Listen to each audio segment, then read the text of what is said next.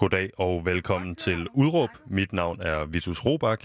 Udråb er holdningsprogrammet, hvor vi hver dag har en gæst med en markant, anderledes eller interessant øh, holdning i studiet. Vi giver en gæst en time til at folde sin holdning ud, så vi kan komme rundt omkring emnet og alle nuancerne. Det kan være alt imellem himmel og jord, og i dag skal det handle om musik. Dagens gæst er Johanna Nielsen. Hun er musikproducer og forsanger i bandet Under the Oak Tree, som er et dansk spacey dimensional indie rock band. Er det en rigtig definition, Johanna? Ja, det kan man sige. Altså, man kan også sige fusionsindie, men uh, Fusions indie. det beskriver det meget godt, det du sagde. Velkommen til i hvert fald, Johanna. Tak. Johanna, i dag så skal vi snakke om, hvad det vil sige øh, at ture drømme. Øh, hvordan man som band og musiker håndterer en epidemi. Det gør det, øh, der selvfølgelig gør det svært at bryde igennem som liveband. Ja. Ja. Vi skal også snakke om, hvad formålet med musik er, formålet med live musik. Mhm. Og så skal vi snakke om øh, fremtiden for musik i den kommende sommer, men også på længere sigt, og selvfølgelig fremtiden for jeres band og dit virke. Ja. Hvordan har dit liv i øh, musikbranchen set ud her de sidste par måneder? Ja, så man kan sige, at den har stået lidt stille, og på grund af aflyste jobs og, og indspilninger, så har den ikke været det samme. Og øhm, der har jo været en frygt for, at hvad, hvad skal der ske nu, når det hele er slut, og hvordan kommer man tilbage til der, hvor man var. Og ja, altså man har kunne gøre det bedste, man kan, og jeg ved ikke helt, om, om, om det bliver det samme igen, men jeg- jeg vil da gerne give det et skud og prøve at blive ved og, og, og gøre det, jeg gør, og på distance selvfølgelig. Så Så motivation fejler ikke noget? nej, Det det, er mere, kan man øh, sige. de andre øh, ja. Instanser. Hvis, øh, hvis du tør gætte en lille smule, hvordan tror du så, det kommer til at se ud om et år, for eksempel det her, til næste forår? Det er jo det, der er så svært at sige. Um, jeg tror, at det bedste, man kan gøre, det er bare at blive ved med, med det, man nu gør. Men man gør det selvfølgelig sådan på den måde, man kan gøre det på. Og hvordan det kommer til at se ud, er... Ja, det er noget, jeg også godt kunne tænke mig at finde ud af. Det tror jeg godt alle sammen, vi kunne. Øhm, Johanna, noget af det, jeg tænker, øh, jeg rigtig gerne vil snakke lidt om, det er det her med, øhm, som jeg også nævner tidligere. Ja. Det er jo en speciel type menneske, der skal til Ja. øh, at, at være musiker. Der er nok mange øh, børn og unge mennesker, der drømmer om at blive musikere. Ja. Øh, jeg tænker, at den profession, den ligger så op ved siden af astronaut og skuespiller i min bog Mhm. i hvert fald. Øh, men før man kan komme til at turnere Danmark og verden, så skal man finde nogen at spille med, og før man kan Ja. finde nogen at spille med, så skal man lære at synge eller spille et instrument. Og det hele kommer hurtigt til at virke en anelse uoverskueligt. Ja. For det er svært at lære at synge rent, og det er også svært at lære at spille et instrument. Ja. Godt nok, øh, godt nok øh, selvfølgelig, altså lad os spille instrument godt nok til, at det bliver rigtig sjovt. Men du er en af dem, der har gjort øh, forarbejdet, samlet et fedt band, der har taget chancen. Hvor er det dit musikalske eventyr, det starter hen? Og det var, da jeg var helt lille. Og egentlig så øh, har den ligget meget i produktionsdelen, faktisk. Øh, fordi da jeg var yngre og lyttede til radioen eller til musik, så plejede jeg faktisk altid at kigge i dybden, eller lytte til dybden af sangene, og hvordan de blev produceret, og ja, hvordan det egentlig var, at man formodede at, at tage en, et musikalisk værk og, og gøre det til en slags, et slags kunstværk, i stedet for, at det bare nu var et stykke musik. Øhm, men altså musikdelen, der har den altid ligget i, at jeg bare har haft, jeg er vokset op med masser af idoler og, i forskellige genrer, og jeg har egentlig altid godt kunne lide at stå på en scene, men ja, det tog lidt tid at finde ud af, at, altså at finde et udtryk, så jeg også kunne formidle mig, men jeg fandt ud af, at ved- igennem musikken, så kunne jeg jo gøre det. Og så nævner du det her med, øh, med, med forbilleder og, Ja. og dem her. Nu sagde du selv, var det rigtigt forstået, hvis vi kunne kalde det øh, fusionsindie? Ja, Ja. Hvad er, altså, hvad er det for nogle øh, forbilleder, man har, når man ender med at lære at, at spille fusionsindie selv, og det er det, man kaster sig over med sin egen karriere? Ja, det er jo det. Altså, man kan sige, fusionsindie i sig selv, det, det er ikke noget, jeg sådan har hørt før andre steder. Og det er vel, det kalder vi det, vi kalder det for fusionsindie, fordi at det, altså, os, vi er jo fem mennesker i bandet, og vi har alle sammen helt forskellige slags smag i musik, og vores trommeslager er jo helt vild med jazz, og så er guitaristerne mere til lidt gammel old school rock and roll, og jeg er selv til noget meget mere new age, øh, electro, øh, som jeg også selv laver, når jeg producerer blandt andet. Og jeg tror, vi prøvede at finde et slags, en slags symbiose i alt det, og prøve at putte det i vores musik, og det var derfor, det blev til fusionsindie, og øh, det, som vi har, de kommende sange, som vi gerne vil udgive, øh, der kan man høre rigtig meget af, at det er en slags mashup af det hele. Det nummer, øh, du har taget med her i dag, øh, ja. Ja. som vi lige øh, spiller 20 sekunder af lige om lidt her, øh, er det også i den her fusionsindie-genre, for os, der måske ikke er så øh, velkendt med den genre? Det kan man sige, øh, men det er jo selvfølgelig et live session stykke, så ja, der er i hvert fald meget af det her med øh, stemmespil, som jeg også laver rigtig meget af i det nye. Ja, lad os give det et Og, lyt. Ja. An eye for an eye, trade our soul for gold emotions take control. The last man standing is the one who wins. After blood, life begins. You shoot me, so I'll shoot you. Det her øh, 20 sekunders klip, og hvor ja. lyder det fedt i øvrigt, det her 20 sekunders klip er jo øh, noget, der er skudt og optaget under coronakrisen, så vidt jeg har forstået. Ikke? Ja. Hvordan, øh, altså, hvordan er det, det kommer til? Kan du fortælle om det? Ja, men det var faktisk øh, optaget i Mid Records. Øhm, og det var faktisk lige inden den her coronakrise startede, lige sådan på kanten. Og vi var så heldige, at vi stadig kunne være derude og spille og, og, øhm, og optage det. Men øhm, man kan jo sige, at folk er jo meget bange for at gå ind og høre, kon- altså, var, da, da man begyndte at høre om det her med corona, var folk jo meget bange for at, at kan blive smittet, og man kunne allerede se, inden at hele det her lockdown kom, at, at folk begyndte, så, begyndte at holde sig lidt. Og øhm, ja, den her live session var jo som en slags opvarmning, kan man sige, på en mærkelig måde. At det skete sådan, at det var timet på den måde. At man ligesom havde noget, man kunne give ud, øh, men samtidig ikke være der fysisk. Og det er også det, som man ser rigtig meget med, at der bliver lavet nogle forskellige live sessions nu, hvor forskellige musikere filmer sig selv hjemmefra og sætter det sammen. Og det er jo også en rigtig fed ting, som øh, man har fundet på at Ja. lave. Jeg kan jo se, jeg har faktisk set videoklippet af lige netop den optagelse der Ja. fra Mint Records. I sidder jo faktisk med behørig afstand. Altså, Ja, øh, det er det som om, I er lidt sige. forkant der i hvert fald. Ja, det, øh, det må man sige. Det var virkelig mærkeligt, at det var sådan timet, ikke? Jo. At det øh, skete. Hvad er din, øh, altså, hvad er din passion med musik? Øh, nu nævnte du selv det her med både at være Ja. på en scene, men også at, at gå i Ja. dybden med det og finde ud af, hvor et, et stykke musik måske adskiller, adskiller sig fra et stykke kunst og sådan Ja. noget. Øh, altså, er det at optræde, er det at skrive, eller hvad er det, der tænder dig?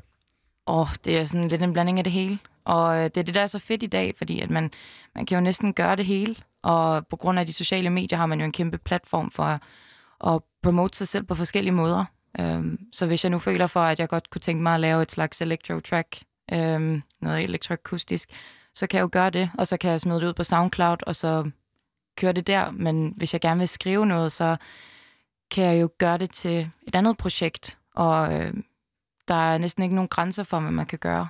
Øh, så det er, det, det er lidt ligesom det hele, jeg går efter at være, og selv føler, jeg kan gøre. Hvad med det her med, at, øh, altså for, for alle os øh, helt menige danskere, der måske aldrig har stået på en scene før, Ja. hvad er det, det gør ved en?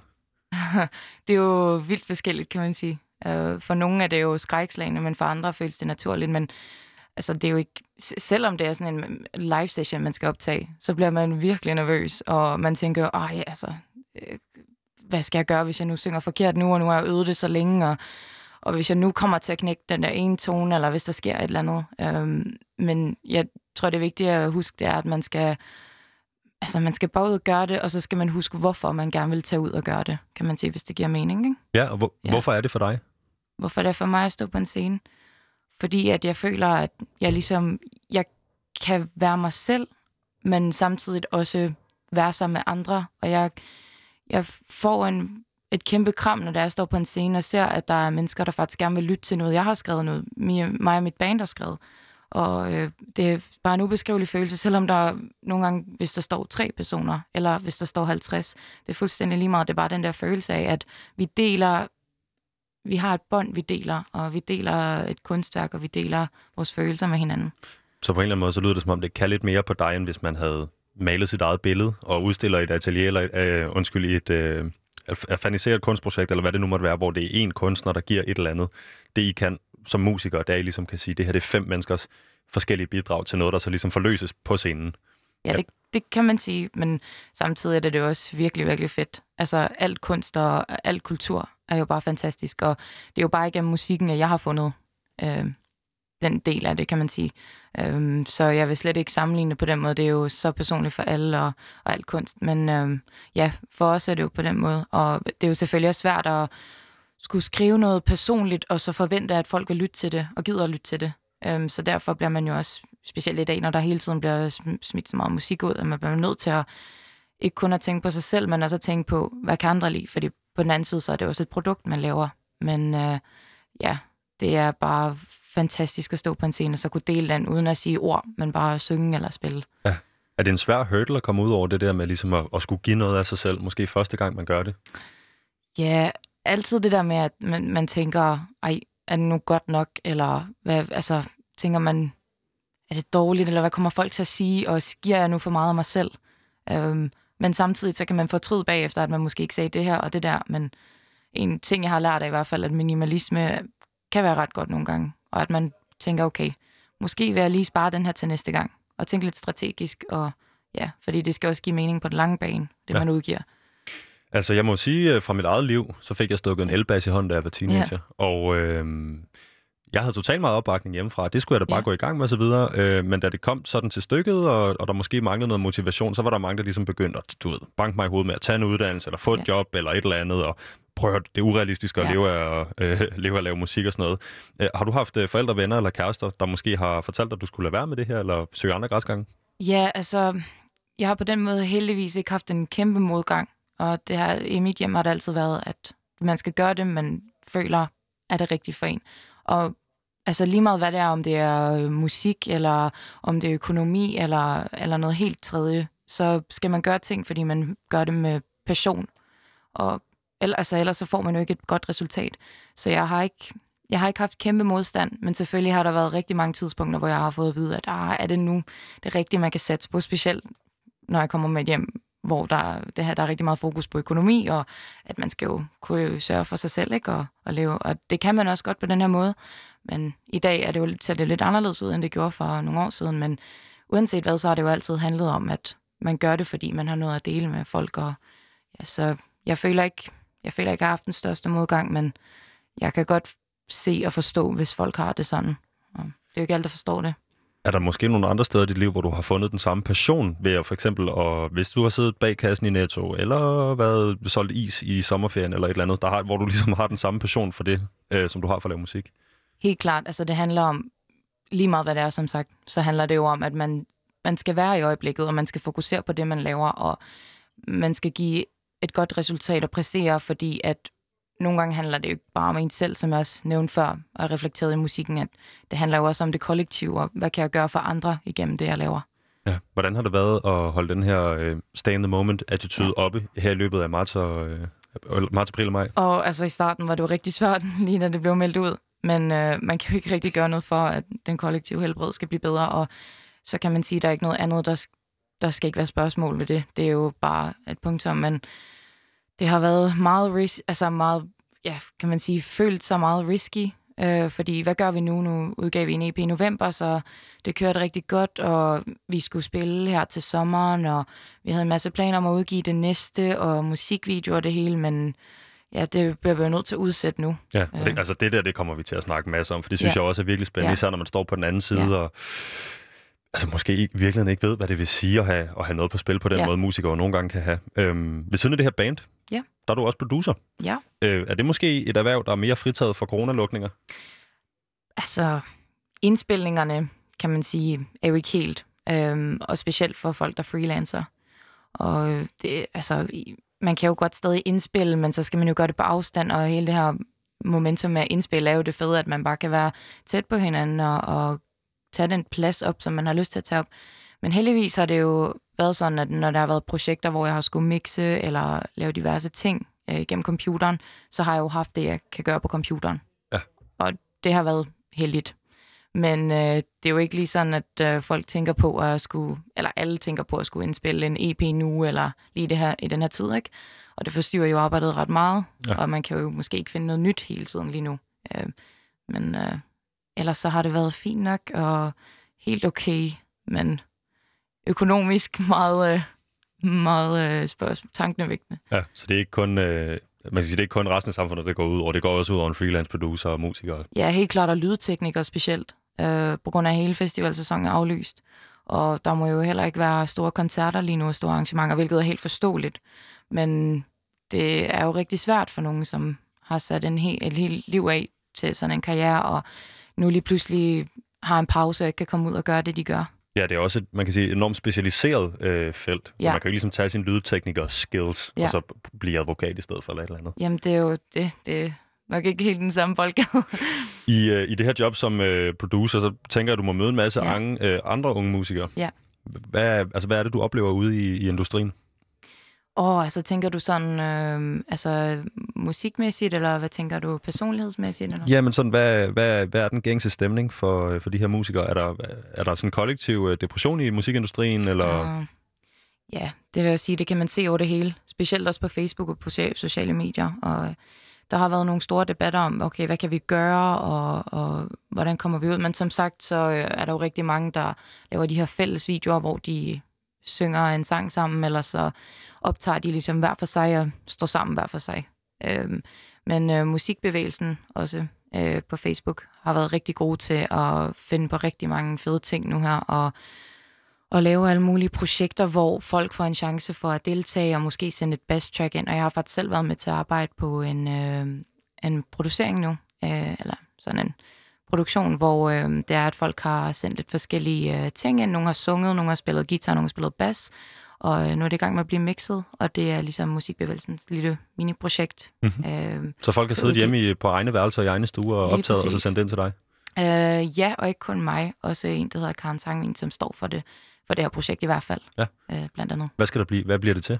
Ja, men lige nu har jeg hørt, at det er i gang med at blive mixet. Jeg var selv øh, producer for det, og det bliver mixet, og så skal det mastereres, og så øh, kommer der nok snart noget info om, hvor man kan høre det. Det bliver rigtig spændende at. Spændende.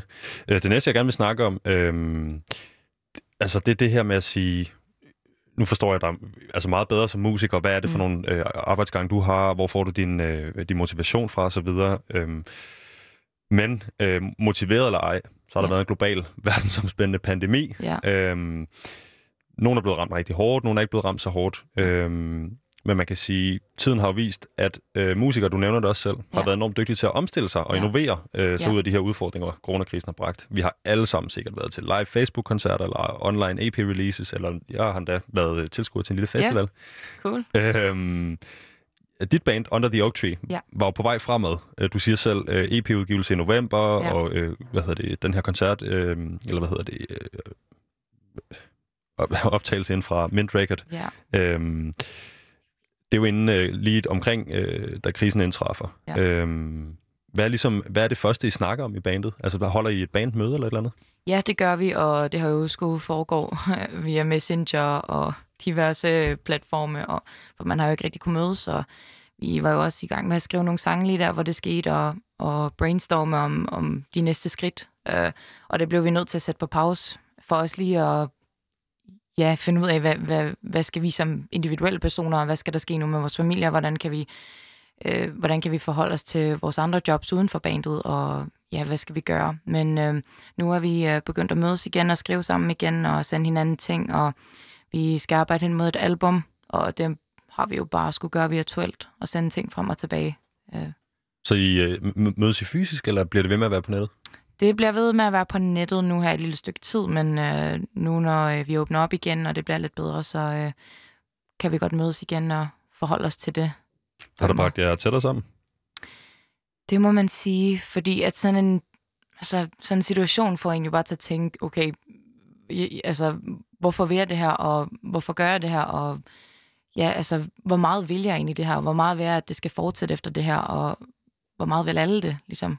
Um, Ja, det er jeg tænker, du siger, I er fem forskellige mennesker i bandet. Det er jo så fem forskellige individers Ja. øh, vurdering af, Lige hvor står præcis. jeg økonomisk, og er jeg på vej ind eller ud af landet, og Ja. øh, alle mulige overvejelser, det ligesom går ind i en vurdering af, er det, er det et projekt, der kan lade sig gøre, ikke? Ja, øhm, det er det. Øh, så det, jeg tænker, altså har det... Står I, altså, står, I, står I stærkere efter det her, eller har der været, øh, hvad kan man sige, øh, har, det været, altså, har det været en stressende oplevelse? Det har det på en måde. Øhm, for al planlægning er jo blevet sat på pause. Og ja, og, også det her, den her vibe og flow, man var inde i før det, og at man var ude og spille gigs og, og hygge, og man kunne være sammen og, og skrive noget musik og hænge ud. Men øh, lige pludselig så bliver man nødt til at tænke på noget andet, Mm. som er helt forståeligt. Men øhm, jeg vil sige, at vi står stærkere efter det, og jeg glæder mig rigtig meget til at komme i gang med det nye, vi har, og, og endelig få lov til at vise det til verden. Og vi, har jo, vi havde jo planer om at udgive det her til sommer, men det har vi valgt at udskyde os til næste år. Ja. Øh, Det tænker jeg også, vi skal vende tilbage til. Ja. Men øh, Johanna, jeg har lavet et lille interview yes. med Johannes Dybkjær. Han er ja. Ja. kreativ konsulent og jurymedlem i Karrierekanonen. Ja. Øhm, jeg snakker med ham om øh, jeg snakker med ham om øh, det her spørgsmål, øh, som er, øh, hvad han har oplevet med upcoming kunstnere under coronakrisen. Øh, men inden jeg sætter ja. Ham på, så vil jeg selvfølgelig lige sige, øh, hvis man skulle være stille ind på kanalen nu, så øh, lytter I til Udråb. Mit navn er Vitus Robak. Med mig i studiet har, mig, har jeg Johanna Nielsen, som er Yes. forsanger i bandet Under the Oak Tree. Vi snakker musik, og Ja. øh, nu skal vi høre det her, øh, det her øh, relativt kort interview med Hans Dybkjær. Kommer her. Nice. kommer? Jamen selvfølgelig oplever jeg en stor frustration hos mange af de kunstnere, jeg taler med og arbejder sammen med. Omvendt kan man sige, at mange af de kunstnere, som netop er brudt igennem en eller anden form for øh, lydmur, det er det jo, fordi de gør ting på deres egen måde. Så de er fulde af energi og fulde af kreativitet. Og de har ikke, de har ikke vendt sig til, at der er noget, der hedder plejer. Så jeg oplever også en stor øh, kreativitet og opfindsomhed i, hvordan de ligesom bryder igennem. Jeg oplever også nogen, som har haft så travlt med at leve op til hypen, så de ikke har skrevet ny musik, eller været kreative i lang tid.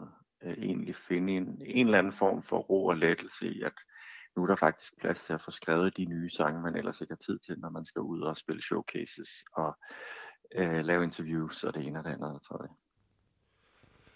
Hvad med de her musikere, der øhm, øh, lige er, hvad skal vi sige, lige måske ikke engang er brudt igennem lydmuren endnu, men øh, har gået og haft forventninger og øh, måske har været med i Karrierekanonen eller øh, andre øh, bandudviklingsprogrammer? Jamen det kæmpe problem er, som er så synd for mange af de kunstnere her, som måske havde deres år i år, det er, at for at man går fra talent eller, øh, eller sådan et navn, folk begynder at lægge mærke til, til at blive etableret, så kræver det, at man bliver set og hørt og oplevet på rigtig mange forskellige måder, på rigtig mange forskellige tidspunkter.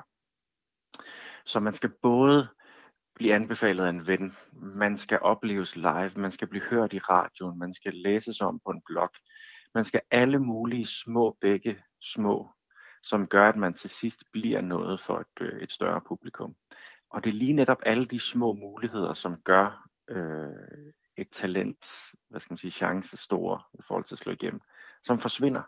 For det er ikke nok bare at være på nettet og lave live sessions og lave alt mulige sjove ting på internettet.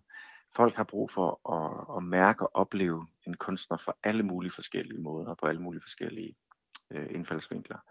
Og det er det, der er det kæmpe store problem, fordi arsenalet er bare blevet mindre, øh, og journalisterne er sendt hjem, og festivalerne holder lukket. Så det er et kæmpe stort problem, og jeg tror, der er kunstnere, som kunne være blevet den næste Minds of 99 eller den næste Katinka, som vi aldrig kommer til at høre om i den brede publikum, øh, det brede øh, publikum, fordi deres chance simpelthen gik tabt, og der ikke er plads på næste års øh, upcoming scene, og der ikke er plads, spalteplads næste år, eller i et program som dit øh, om ni måneder, eller hvornår der nu er, er gang i den igen. Altså, vi kommer til at opleve, opleve en slags øh, flaskehalseffekt her. Vi kommer til at opleve, at der er alt, alt for mange, der vil ud med ny musik øh, på samme tidspunkt. Både i radio og på Spotify og i medier i øvrigt og på scenerne. Så der er nogen, der falder fra. Nogle af de navne, som skulle spille live camp på Smukfest eller Uhørt Festival eller Musik i Lejet eller Roskilde Festival for første gang, får måske ikke chancen igen, og det er et kæmpe tab. Øh, og jeg ved jo med talentarbejdet, at det tager lang tid.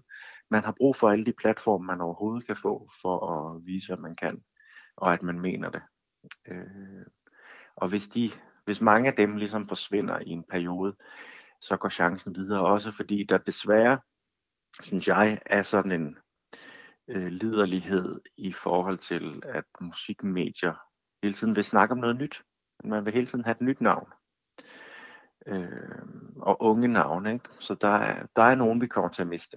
Og det er en skam. Til gengæld vil jeg sige, som jeg sagde indledningsvis, at mange af de kunstnere, som, som har ild i den, det har de jo, fordi de gør ting på en ny måde, fordi de fortolker musik på en ny måde, og skriver tekster på en ny måde, og bidrager med noget nyt. Øh, og det skal de bare blive ved med, og det er jo derfor, de brager igennem. Og så vil jeg også sige, at en sang bliver ikke gammel øh, af, at den, er, at den ikke er blevet udgivet. En sang er kun gammel, når den har været et stort nummer for mange mennesker i lang tid. Øh, så der er ingen grund til at give op, hvis man føler, at man som kunstner var på vej til noget. Øh, mange af de kunstnere, jeg arbejder med, de bruger halvandet, to år på at øh, arbejde for deres første single.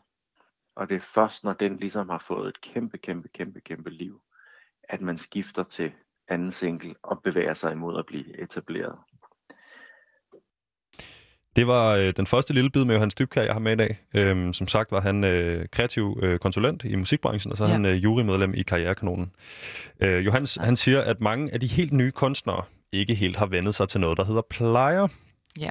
Øhm, noget I at vende jer til noget, der hedder plejer? Nej, det tror jeg egentlig ikke. Altså, det er jo det her med, at det, som han også sagde, at det tager tid at etablere sig. Og altså, man skal ikke bare tro, at man bare smider... Det, det kan jo selvfølgelig ske. Men at tænke, at okay, nu smider jeg en sang ud, øh, og så bliver det sikkert øh, et kæmpe, kæmpe hit, og det kommer jeg til at leve af for evigt. Det er jo sådan lidt... Øh, det er ikke helt en, en holdning, som får en til at gå langt, og så er det et spørgsmål om, hvad ens motiv er. Øh, hvis er der man motiv? tænker, hvad mit motiv er, jeg gør det fordi, for det første fordi, at mit hjerte ligger i det, men også fordi, at jeg gerne vil udvikle mig som menneske og finde ud af, hvad alle andre, øh, hvordan jeg kan hjælpe andre, og hvad alle andre kan lide, og hvordan jeg ligesom kan gøre en forskel for andre igennem musikken. Øh, sådan så det ikke bare lige er et produkt, som, som jeg snakkede om tidligere, jeg har lyst til at lytte til, men også andre har lyst til, uden jeg ligesom mister mit identi- identitet og mit brand. Så det er noget måske ikke helt at vende jer til plejer. Øh, Nej. men det er måske også, øh, udover hvad Johan siger, så tænker jeg også, det er måske noget med, med nye musikere på den her tid. Altså der er for så for mange Men- øh, avenues, man kan gå ned af. Mm. Men jeg tror faktisk aldrig, man kommer til at vende sig til noget, der hedder plejer, hvis man øh, virkelig tænker over det. Fordi der sker jo noget nyt hele tiden, specielt i den her branche. Og øh, man kan altid finde på en ny måde at udtrykke sig selv på, en ny platform at gøre det på, og så finder man måske nogle andre mennesker, man hellere vil spille med, eller man finder ud af, at man gerne vil lave en solokarriere, og så fortryder man det bagefter. Og, altså, og, og jeg tror egentlig bare, i stedet for at tænke, okay, men er det ligesom, okay, nu er det sådan her, og det kører, og det er bare helt perfekt, og, og have den her forventning om, at jamen, nu kan det kun gå opad, så, så tror jeg lige præcis, man begynder at gå nedad, fordi at man stopper ligesom med at spørge sig selv om, og udfordre sig selv, og spørge sig selv, om man er god nok, som faktisk, du ved, udfordrer en, og, og får en til at tænke, okay, hvad kunne jeg gøre mere, og Så Ja, man skal ikke, det- øh, der er ikke noget, der hedder the new normal. nej, det er så svært at sige på den Jeg måde, tænker, ikke? hvis du vil give at gentage, jeg kan også øh, sige det her. Øhm, Ja. en, af jeres, øh, en af den måde, man kan beskrive jeres musik på, som sagt, øh, det er det her øh, spacey dimensional indie rock. Ja, jeg det, ved ikke, hvor du har fået den fra. Øh, det, var en, det var en anmeldelse, tror jeg, Ja. ja. er, hvor I i øvrigt får skide gode anmeldelser. Ja. Øhm, øhm, du kaldte det fusions-indie. Ja. Det er jo det new normal, det her. Altså, jeg tænker ikke, at det er Ja. en musikgenre, der overhovedet var der for 20 år siden, så man bliver nødt til ligesom at udvikle Nej. sig med det og finde ud af, hvor man ligger, og så Ja. arbejde på det og komme videre. Det er det, jeg hørte sige, synes jeg. Ja, altså fusion er jo også mange forskellige ting, og det er jo en blanding af, af, af noget forskelligt og af alt på en gang. Og indie er jo lidt sådan, kan man sige, et lidt løst udtryk, og, og nogen øh, vælger jo bare at sige indie, når de ikke helt ved, hvad det er, de selv spiller. Ikke? Fordi de har tophat og langt skæg. Jamen det, nah. altså, der er ikke nogen sådan på den måde stereotyper inden for det, eller normer, men tror jeg, men, øh, men jeg tror egentlig, det er en meget nem term at give sig selv, hvis man ikke helt lige ved, hvad det er, men det er ikke helt pop, men det er sgu heller ikke helt hård rock, så er det lidt indie. Men øh, ja, det er jo meget personligt, og øh, ja.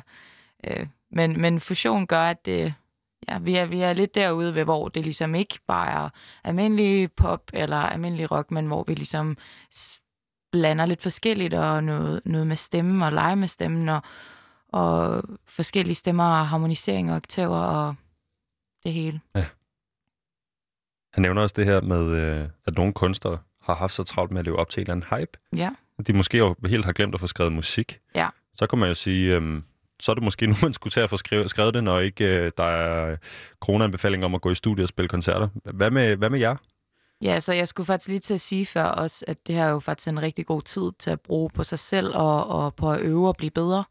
Øh, nu når man ikke kan komme ud og spille, og så ja, skrive noget mere, og det kan jo, det har jo sikkert været, altså det er motiverende for mange, øh, som vi snakkede om inden, og så blive ved øh, på grund af krisen, og hvor, ja, hvordan skal vi udgive det bagefter, og hvor er hypen nu blevet af, og, og det hele. Øh, men for os, så har vi jo taget chancen for at blive bedre og skrive noget mere, og det var jo sådan set også det, vi var i gang med tidligere. Så det har sådan på den måde ikke spillet en stor rolle i vores, øh, i vores daglige situation for bandet. Men øh, jeg kunne godt forestille mig for nogen, at det er en kæmpe demotivation. Må jeg spørge dig om noget lidt andet? Ja. Hvornår bliver Under the Oak Tree en ting? Hvornår, er, altså, hvornår havde I... Øh, Hvornår det blev til en ting? ja, hvornår, hvornår fik I skabt den her fælles identitet? Altså, det var jo heller ikke bare lige sådan, at man knipsede på fingrene. Øh, det tog os et par år, og øh, vi, vi fandt jo sammen her for et år til to år siden. Mhm. Mm-hmm. Øh, nu er tiden går så hurtigt, at jeg ikke engang kan nå at kigge tilbage. Har I oplevet noget andet i de her år til to år, der har på, nu er det selvfølgelig svært at sammenligne noget som helst. Ja. med corona, men der på, på, ligesom på samme måde har været øh, en distraktion for, for jeres fællesskab?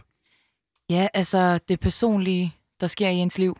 Um, specielt når man starter et band, så kan det jo være oftest, at man starter det, fordi det er en hobby, og man har lyst til at spille. Ja, som du sagde, man har bare lyst til at spille bass, og det gør en glad. Og, men, men så lærer man jo sådan hen ad vejen, at det er jo faktisk en hel branche, og hvis man gerne vil komme længere ud, øhm, og faktisk, altså hvis man har den intention, at man gerne vil tjene penge på det, og, og leve af det, så skal man altså blive ved, og så er det ikke bare lige, at øh, nej, men jeg hygger mig bare lige en, en gang om ugen, eller sådan hver anden uge, og så mødes vi i en time og sådan.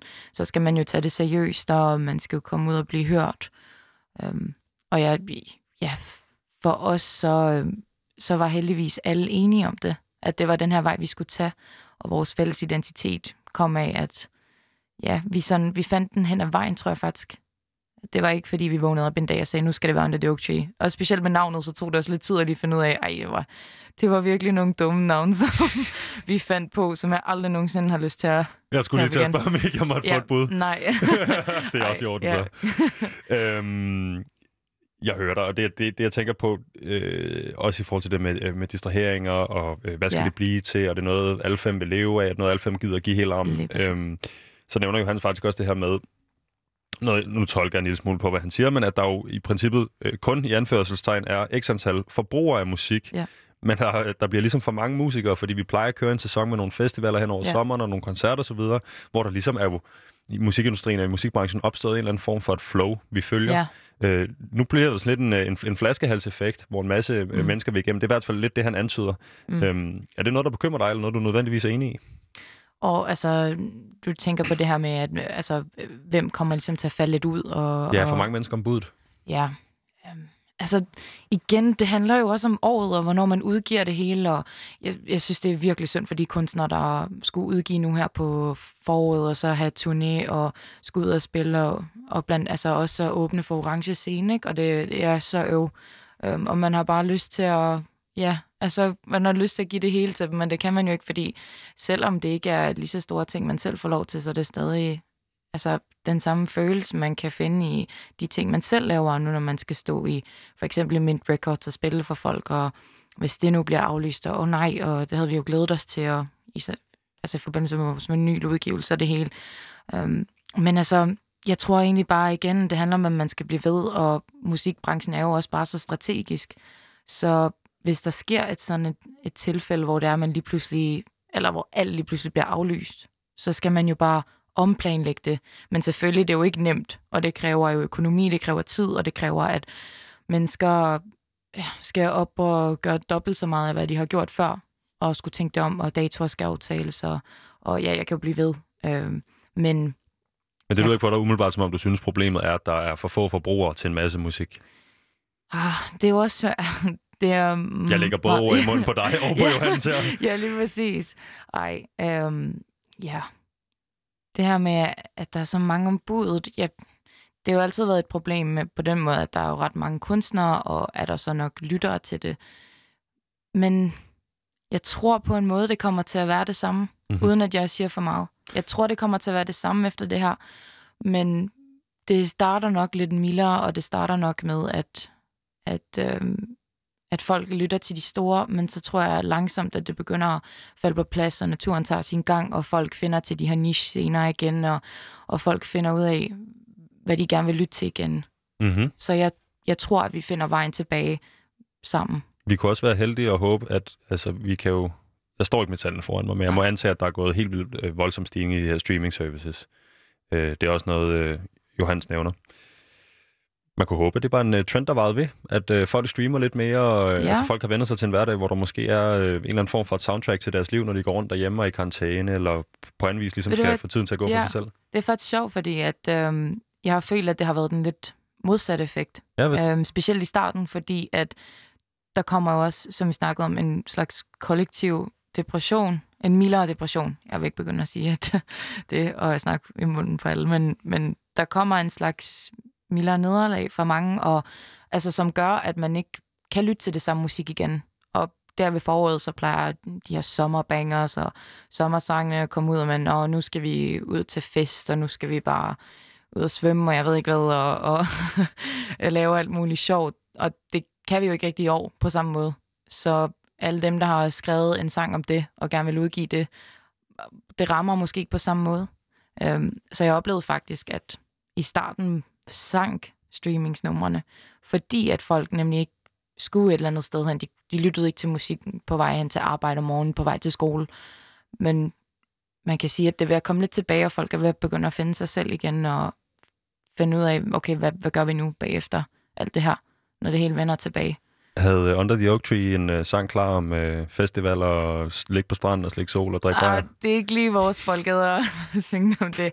Desværre så er vi lidt mere på den... Øh, vi er lidt mere til den kolde efterår i vores musik. Det er sådan lidt mere vores tema. Men øh, igen, det er jo bare ærgerligt for de kunstnere, der laver de her sommerbanger, så, som måske ikke mærker den samme effekt. Men det ved jeg ikke. Det kan da sagtens være. Jeg tror, mange folk lytter til noget øhm, gammelt musik nu faktisk, for at få minderne tilbage fra sidste år og fra årene før.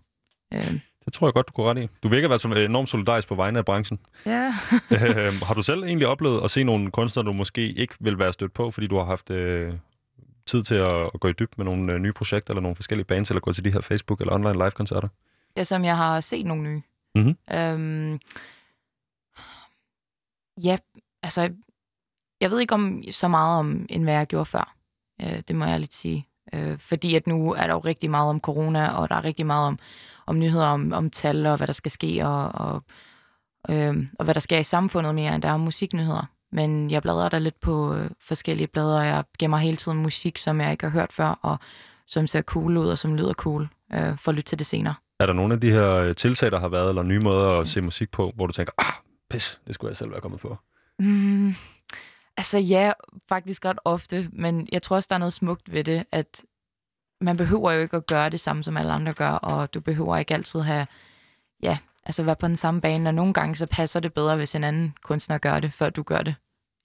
Ja, øhm, vi har snakket øh, med det her om at øh, tage chancen. Ja. Øh, være en type, der tør drømme og forfølge ja. sin øh, passion og, og sin, øh, sin drømme, i stedet for øh, at skulle kigge øh, løn og praktik først. Ikke? Ja. Øhm, men man kan sige, nu har du ligesom øh, kvad din øh, profession som musiker og studietekniker og producer øh, givet, givet lidt slip på den her sikkerhed. Øh, hvor længe kan du vente? Så jeg må ærligt indrømme, at det er, det er ikke særlig fedt at vente. Og det tror jeg heller ikke andre synes, det er. Øh, jeg kan ikke rigtig sætte et tid på det en tid på det, men øh, jeg, jeg må sige, at det ikke vil være særlig godt, hvis det blev ved i flere måneder. Men du har ikke et uh, netto derhjemme, der tæller ned til, at nu går jeg sgu bare ned og får et job nej, i kassen? nej, altså, jeg kigger ikke rigtig sådan på det. Øh, og så begynder man jo at spare. Og så tænker man, okay, hvordan kan jeg... Om så prøver at planlægge noget til næste måned, eller et andet projekt, hvor det er, at det giver mere mening nu, og altså at lave nu, ikke? Jo. Øh, Johanna, øhm, noget, jeg tænker, nu har vi snakket simpelthen om, øh, om, om din baggrund. Vi har snakket ja. lidt om det her med, hvad der sker, når man er et band, og hvad ja. man i din profession i øvrigt, når man går en global pandemi med, som vi ikke har set i 100 år. Ja. Øhm, noget, jeg rigtig godt kunne tænke mig at høre dig lidt om også, det er, hvad, altså, hvad med de her fremtidsvisioner? Hvad skal der ske ja. hen over sommeren? Øh, hvad med jeres konkrete strategier, jeres plan osv.? Ja. Øh, men inden vi kommer dertil, så vil jeg gerne lige sige til øh, lytteren derude, at øh, du lytter til øh, Udråb på Radio Loud. Mit navn er Vitus Robak, og med mig i studiet har jeg Johanna Nielsen. Yeah. Hun er øh, forsanger i bandet Under the Oak Tree, og øh, vi har snakket musik og øh, hvad hedder det, corona, mm. hvilket præg corona har sat på den her øh, industri, i, og i særdeleshed for upcoming øh, kunstnere. Øhm, man kan sige, der er mange øh, brancher, altså i særdeleshed i forlystelses- og oplevelsesindustrien, ja. der har været rigtig hårdt ramt under den her krise. Ja. Øh, LaLandia går en svær tid med, det må vi antage. Øh, okay. Det samme gør øh, spillestederne. Øh, for en ting er, at man ja. ligesom kan få lov til, når øh, regeringen åbner op igen. En anden ting er at sige, altså hvordan kommer befolkningen til at tage imod det? Ja. Tør folk gå til koncerter osv.? Ja. Øhm, hvad skal der ske med dit band øh, hen over øh, den sen, det sene forår her i sommeren? Der skal ske det, at vi bare skal skrive videre, og vi skal lave planer ind for næste år, og vi vælger at, at tage et, et skridt, der hedder, at vi trækker os lidt i år, og jeg ved ikke, hvor meget plads vi nu overhovedet vil fylde, øh, siden at vi var ret meget upcoming øh, her øh, i starten på året og her i efteråret. Men vi vælger at sige, at vi gør plads til andre øh, på efteråret, og, og lad dem udgive det hele, de skulle udgive, som de allerede havde planlagt at gøre meget længere tid for, end vi havde. og vi skal bare skrive videre hen mod et album, og så skal vi udgive de her sange næste år, når det sker forhåbentlig ikke igen næste år, øh, men det ved man jo aldrig. Vi ved ikke noget. Nej, øh, men vi tager chancen, at vi skriver de her sange, optager dem, og så gemmer vi det til næste år, og begynder at spille igen næste år, og rebrander os selv, og starter på en ny, fordi det virker ikke som om, der er så meget andet at gøre, specielt med, altså med den status, vi har. Og så lyder det lidt på dig som om, at den samme, øh, det du nævnte tidligere med, at det her også kunne være en tid til at tage sig af sig selv, og Ja. sørge for, at man var ved godt helbred, fysisk og psykisk og så Ja. videre. Det kan man sådan set også, man kan lægge den tese over på, eller den model over på et helt band, og så sige, nu får vi planlagt næste år, vi får Ja. skrevet nogle fede sange, Ja. øh, og så giver vi måske plads til nogle andre i efteråret. Ja. Øh, jeg tænker også, at man kunne risikere at blive fanget sådan en... Øh, jeg gætter, men jeg kunne forestille mig, at der kommer en masse albums og sange om, øh, om, om at være i krise, om at være alene, Ja. og, og, og det her, vi snakker om en øh, ungdomsdepressions, altså epidemi, der kommer på øh, efter det her, fordi Ja. børn er blevet holdt hjemme fra skole og så videre. Der skal nok komme en del øh, kunst, tænker jeg, omkring den her krisetid, vi har været igennem. Sådan vil det, Klart. øh, det vil historien vise. Øhm, kunne man ende med ligesom at drukne i øh, det nye Nephew-album og det nye fra Jada, og hvad fanden der nu ellers måtte komme? Altså, øh, tænker du sådan på den måde med, at de, de skulle udgive noget, som... Øh, Jamen, jeg tænker, Altså, der kommer en masse her til efteråret, så, øh, hvis, man, hvis man er klar over sin position som up-and-coming, øhm, og man så Ah. måske også strategisk Ja. skulle gøre klogt i ligesom at virkelig lave et fedt album, der så kommer til foråret i stedet for. Ja, altså det er jo lige præcis det, vi tænker. Og øhm, ja, nu bliver der sikkert bombarderet her til efteråret. Og vi vælger at sige, at vi gemmer det til næste år. Øh, for ligesom at give plads til dem, der skulle gøre det. Igen, jeg ved ikke, hvor meget plads vi vil tage, men... men øh, Det ved man jo aldrig. Nej, det er det. Men øh, det er bare en fin ting at gøre, og det viser os lidt respekt over for dem, der lider allermest i branchen lige nu. Og for nogen kan man jo sige, vi, vi kan jo godt sige, at okay, men fordi vi ikke havde en stor position, så er det jo en okay tid for os at reflektere og måske tage et åndedræt og, og skrive noget nyt. Men for store kunstnere, der skulle aflyse det hele og omplanlægge, så har det jo ligesom givet en modsat effekt. Og de kan jo ikke bare lige sådan sætte sig ned og reflektere lidt og slappe af, og de skal begynde at planlægge det hele om, og bliver det nu det samme til næste år? Og kan jeg, er jeg på samme steder, er mit, betyder mit navn det samme, ikke? Jo. Og lige netop det her med Ja. at, at, at miste sit momentum, det, har jeg også, Ja. øh, det spørgsmål har jeg også rettet mod øh, Johannes Dybkjær, som som Ja. sagt var kreativ konsulent og jurymedlem i Karrierekanonen. Øh, jeg stiller ham her til at starte, øh, starte med spørgsmålet. Hvad er det helt generelt, vi siger mest moment- momentum? Ikke nødvendigvis i en corona-kontekst, men sådan helt generelt. Hvad, hvad er hans oplevelse med det? Det kommer her. Ja, altså, øh, jeg tror, det, det værste, der kan ske for kunstnere, det er egentlig ikke omverdenen. Det er det med, at øh, mange af de kunstnere, jeg har arbejdet med, blandt andet øh, som del af Bandakademiet i Karrierekanonen, de mister energien selv internt i et band eller internt i en gruppe. Øh, og hvis det tager for lang tid fra man har taget chancen og måske sagt sit dayjob op, til man begynder at mærke, at der sker noget, så begynder man at stresse over penge, og man begynder at blive irriteret på hinanden internt i et band. Så der skal være en eller anden form for hastighed eller en følelse af, at der hele tiden sker noget for, at man holder energien op. Og det tror jeg er det, der typisk sker, hvis man som kunstner oplever at miste sit momentum. Så, så mister man også modet. Og så opstår der konflikter internt i et band, og så er der nogen, der ikke vil være med mere, og så er der nogen, der ikke kan betale huslejen. Øh, og det er noget af det, som vi arbejder med i Bandakademiet. Det er at sikre, at der sker nok, hurtigt nok, og at man ikke falder i for mange fælder, til at man rent faktisk kan klare den der meget usikre periode, fra man tager chancen, til man på en eller anden måde øh, kan forsvare og leve som, øh, som kunstner. Øh, og den periode er lang og svær for mange, især hvis man mister momentum. Hvad hvis vi så tager øh, snakken om momentum og drejer den over på coronakrisen? Har du oplevet, at øh, unge musikere har haft nok i at afholde de her Facebook-koncerter eller deltage på Facebook-festivaler eller lignende?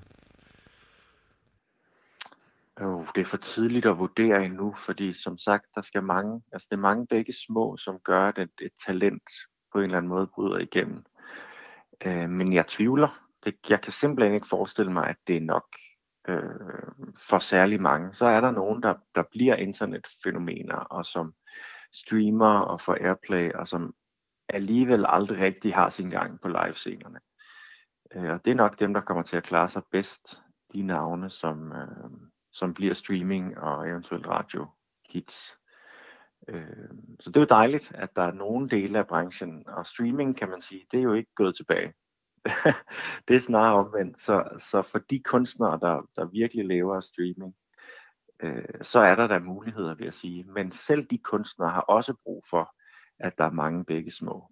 At man bliver opdaget på forskellige måder, på forskellige tidspunkter. Og man bliver genopdaget, og man bliver genopdaget, og man bliver genopdaget. Fordi der, der er aldrig sådan et tidspunkt, hvor en kunstner bryder igennem. Et gennembrud, det tager, det tager lang tid, og er mange små skridt, små døre, der åbnes, til man til sidst har en kritisk masse, der er stor nok til, at man kan kalde det et gennembrud.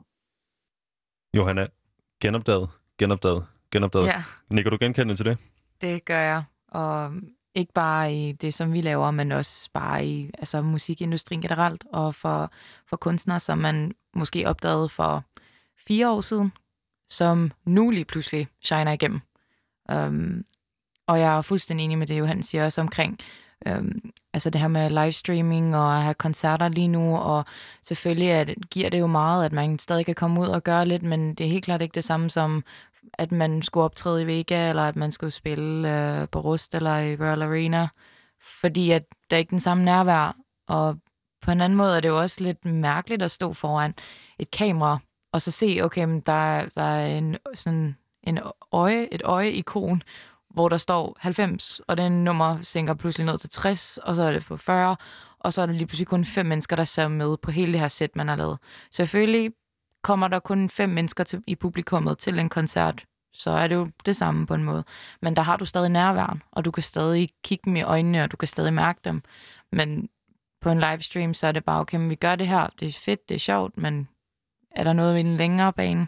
Men de her coronakoncerter har for eksempel været et fantastisk initiativ. Og som vi snakkede om, hvad, altså at gøre noget anderledes nu her, og for at finde på en eller anden måde at, at redde situationen på og udnytte det. Er det noget, I selv har benyttet af? Det har vi desværre ikke, øhm, fordi vi havde koncerter lige op til, hvor det skete, og vi havde også en periode der, hvor vi skulle sætte os ned og bare skrive videre og, og det hele, og det var også ligesom der, vi valgte at sige, okay, men nu venter vi, vi venter lige og ser lige, hvad der sker, øh, og hvordan det hele kommer til at foregå. Så vi har desværre ikke selv kunne udnytte det, men øh, vi har gjort det bag om kulisserne, kan man sige. Ja. Når man har tændt for radioen her, ja. øh, i særdeles i løbet af april måned, Ja. så kan man høre den ene kulturperson og radiovært og alle mulige forskellige folk være helt op og køre over, hvor fedt vi havde løst det der, øh, med at der ikke kunne være koncerter, men Ja. man kunne afholde dem på internettet i stedet for. Uha, og vi har, øh, vi har ligesom, øh, øh, hvad hedder det, unlocket en ny måde at være sammen på, og hvor Ja. bliver det fedt, og det er noget, der er her til stay og alt muligt andet. Ja. Det lyder ikke umiddelbart på dig som om, at det, at, at, at det er optimalt. Øh, altså, er det, er det noget, vi skal blive ved med det her, eller skal vi bare hurtigst muligt komme et sted hen, hvor du kan komme ud og få det nærvær med det publikum, du ønsker? Altså, jeg synes, vi skal blive ved med det her nu, indtil at det nu gælder. Fordi at det skal jo ikke gå helt i stå. Men det er jo bare klart, at det ikke er den samme effekt, som når det er, man spiller ude. Men det har også givet en mulighed til andre kunstnere for at faktisk at komme ud igennem de her platforme. Um, og nu er der også blevet lavet drive-in-koncerter, som også er et virkelig cool initiativ. Og jeg synes, vi skal blive ved, indtil, det, altså, indtil vi ikke længere behøver at gøre det. Og blive ved med at finde på måder, vi ligesom kan komme ud på. Og man kan jo sige, lige nu er det vist nok ikke et momentum for nogen at finde på noget nyt. Øhm, og, og, og begynde at shine og, og stå og vise sig selv, fordi klart, kulturen skal ikke stå på pause, men, men vi snakker om en pandemi, som ikke kun har påvirket musikbranchen, men alt andet også. Men øh, jeg synes klart, vi skal blive ved, og det skal ikke stoppe. Der er ikke nogen, der skal stoppes, og hvis vi gerne vil lave 20 livestream-koncerter, så gør vi det, og uanset om der kommer et momentum ud af det eller ikke, så skal vi bare gøre det, fordi der er sikkert nogen, der ser med, og der, der, tænd, der tændes et ild hos, en ild hos nogen, som øh, savner de her koncerter og liveoplevelsen Så det kan være et meget fint plaster på såret måske. At gøre det her, hvis man skulle sige det på den måde. Hvis nu, øh, hvis nu vi sagde, ud med Mette Frederiksen, ud med den øh, siddende regering, Ja. Johanna Nielsen be- bestemmer, ikke? Okay, oh gud. ja. øh, hvordan, øh, altså, nu nævner du selv de her drive-in-koncerter. ja. Øh, du ved det der med ude på Islands Brygge, så har man lavet sådan nogle felter, der må være 10 mennesker per, i- per felt og sådan noget. Kunne, altså, er det Ja. ja. noget, man kunne gøre inde i Vega? Tegne nogle kridtstreger op og så sige, der står en 3-4 mennesker herinde, og... Øh, Nå ja, det har jeg faktisk ikke tænkt på. Øh, jeg synes selvfølgelig, det var ret fedt der. Øh, altså, Melodi Grand Prix blev vist holdt sådan, at, øh, at de filmede i en tom sal. Øhm, og ja, man kunne jo ikke se forskel. Dem, der stod på scenen, de var jo super gode og super cool. Men øh, det er jo det er lidt underligt, altså når man ved, at der burde være flere, og mm, ja, som sagt, det her med stemning, og igen, man kan sagtens stå og spille for fem mennesker, men at stå foran en kæmpe hav af mennesker er jo også noget helt andet. Men når man kunne gøre det samme i andre steder, som for eksempel Vega, ja, altså, så begynder spørgsmålet at handle om, okay, hvilke 10 personer måtte man så lukke ind? Er det første til møllen, eller hvad skulle vi gøre er det der? dem, der har liket på Facebook først? Eller? Jamen, præcis, og så bliver det også en anden slags konkurrence, eller det, det bliver lidt mærkeligt. Ja. Så jeg tror, det bedste er bare at vente lidt, og så gøre det sådan, så at alle stadig kan være med. Og det er derfor, at de her live-koncerter og, og sociale medier er så gode at bruge lige nu. Fordi der kan alle være med, uanset hvor de er. Så du vil sige, hvis du måske ikke øh, skulle stå og svinge stokken selv, men skulle give Mette Frederiksen nogle råd, hvad vil det så konkret være? Ah, jeg ved ikke, om jeg skulle give hende nogle råd. Jeg synes, hun klarer det rigtig godt. Ja. Øhm, det synes jeg virkelig, hun gør. Øhm, jeg, jeg ved ikke selv, hvad jeg vil gøre anderledes, end, end hvad der er blevet gjort nu. Så havde jeg nok fundet en, en måde at formidle det og sige det. Men øh, jeg følger med, og jeg synes, det er rigtig godt, det der er blevet sket med hjælpepakkerne. Og selvom det jo selvfølgelig tog lidt tid, øh, så virker det som om, at, øh, at vores regering gerne støtter op om kulturen og, og bakker os og, og forstår, at det er en vigtig del øh, af vores hverdag. Ja, nu har vi snakket om det her med øh, de her øh, koncerter uden tilskuere, så har der været helt almindelige de her livestream-koncerter, hvor der har siddet øh, et band hjemme hos nogen. Ja. Øh, noget andet, jeg også har hørt om, det er de her koncerter, hvor øh, der er stillet kamera op, så vi kan se øh, musikerne, der sidder og Mhm. spiller i et studie et eller andet sted, og så har der stillet kamera op modsat, eller en eller anden funktion, der gør, at de kan se folk ude på kameraerne. Nå, Øh, er, er, er det Smart. sådan noget, du tænker, der kunne være en, en, bedre idé? Fordi det lyder som om, du ikke vil ekskludere fans øh, fra at komme til de her koncerter. præcis. Øhm, det er jo meget interessant, men det er jo det, jeg vel... det, det vil jeg sige, det er meget sejt. Øhm, jeg ved ikke helt, hvordan jeg selv vil kunne forholde mig til at se sådan øh, små øh, firkanter med mennesker lige pludselig. Men øh, jeg synes, det er meget sejt, og det er jo faktisk meget øh, fremtidsagtigt. Øh, og det, ej, det er bare tanken om det gør, det er sådan, det er lidt mærkeligt at tænke på. Så jeg, jeg foretrækker nok, at man kan se dem personligt, og ellers så, ja, nu modsiger, det modsiger vel lidt det, jeg sagde med, at, at man gerne vil se dem, man, øh, man spiller for. Men øh, så er det jo også det her med, at det pludselig begynder at hakke, eller hvad nu hvis nogen siger noget, de skal også have ret til at sige noget, og så skal de så mute deres kamera, eller hvad skal de gøre? Så ja. det er lidt øh, sjovt. Øh, Johanna, vi er snart ved at være der, hvor Ja. øh, timen er gået, men øh, noget, jeg godt kunne tænke mig at spørge dig om sådan helt Ja. overordnet, øh, det er, i det her tilfælde, og grund til, at øh, du er i studiet i dag, er Ja. jo fordi, at øh, det er en corona... Øh, pandemi, epidemi, der har slået øh, musikbranchen til dels ud af Ja. kurs. Så har vi snakket om, at øh, de har været gode til at redde den og komme med alternative øh, løsninger på alt muligt, Facebook-koncerter osv. Men er det her overordnet ikke øh, en af vilkårene for musikere, at der kan komme noget udefrakommende, der ændrer på ens øh, livssituation og ens øh, arbejdsvilkår? Altså om det skulle komme igen, hvad, hvad skulle man så gøre? Ja, eller altså, er, det, er, det, Ja. er det ikke noget, man siger ja til som musiker, at der kan komme et eller andet? Øh, Jo, jo, selvfølgelig. Og det, det er også lidt det, som øh, får alle til at tænke lidt ekstra nu. Og, og tænke, at nu, okay, men når vi starter vores karriere i den her branche, eller når vi ligesom begynder at bevæge os hen mod den her branche, så er vi jo klar over, at ja, altså, vi får nok ikke altid øh, løn og de bedste vilkår. Og så kommer der lige pludselig en pandemi, men det har vi ikke rigtig snakket om før. Hvad skal vi gøre der? Øhm, så egentlig burde det jo have været noget, som vi alle skulle have tænkt på på et tidspunkt inden. Men det har vi faktisk ikke gjort. Så måske var det et tegn for, at vi skulle begynde at snakke om altså alt, der kan ske, og være forberedt på det. Men det kan man jo aldrig rigtig være på en pandemi. Men ja, altså, jeg synes i hvert fald, den positive side af det er, at vi alle sammen har haft noget at tænke over i den her tid, og reflektere i, og hvad skal vi gøre næste gang? Fordi jeg vil helst ikke have det her sker igen, men, men det kan man jo ikke udelukke, at der er mulighed for. Men du tænker, at du vil være bedre klædt på, hvis det skulle gentage sig til efteråret, for eksempel? Ja, det tror jeg nu i den her situation, da vi ved, at der måske kommer en anden bølge til efteråret. Men går der et par år, hvor der ikke har været øh, en kæmpe pandemi, så glemmer man det jo på en måde. Og det er meget egoistisk at sige, og det er meget, øh, kan man sige, vesterlandsk. Men, men, øh, men det er klart noget, man skal være opmærksom på. Johanna, jeg vil sige tusind tak, fordi du kom i dag. Det var en fornøjelse. Ja, selv tak. Dagens program var produceret af Rocker, Rocker Park Productions. Øhm, produceren var Thor Arn- Arnbjørn. Mit navn er Vitus Robak, og tak fordi du lyttede med.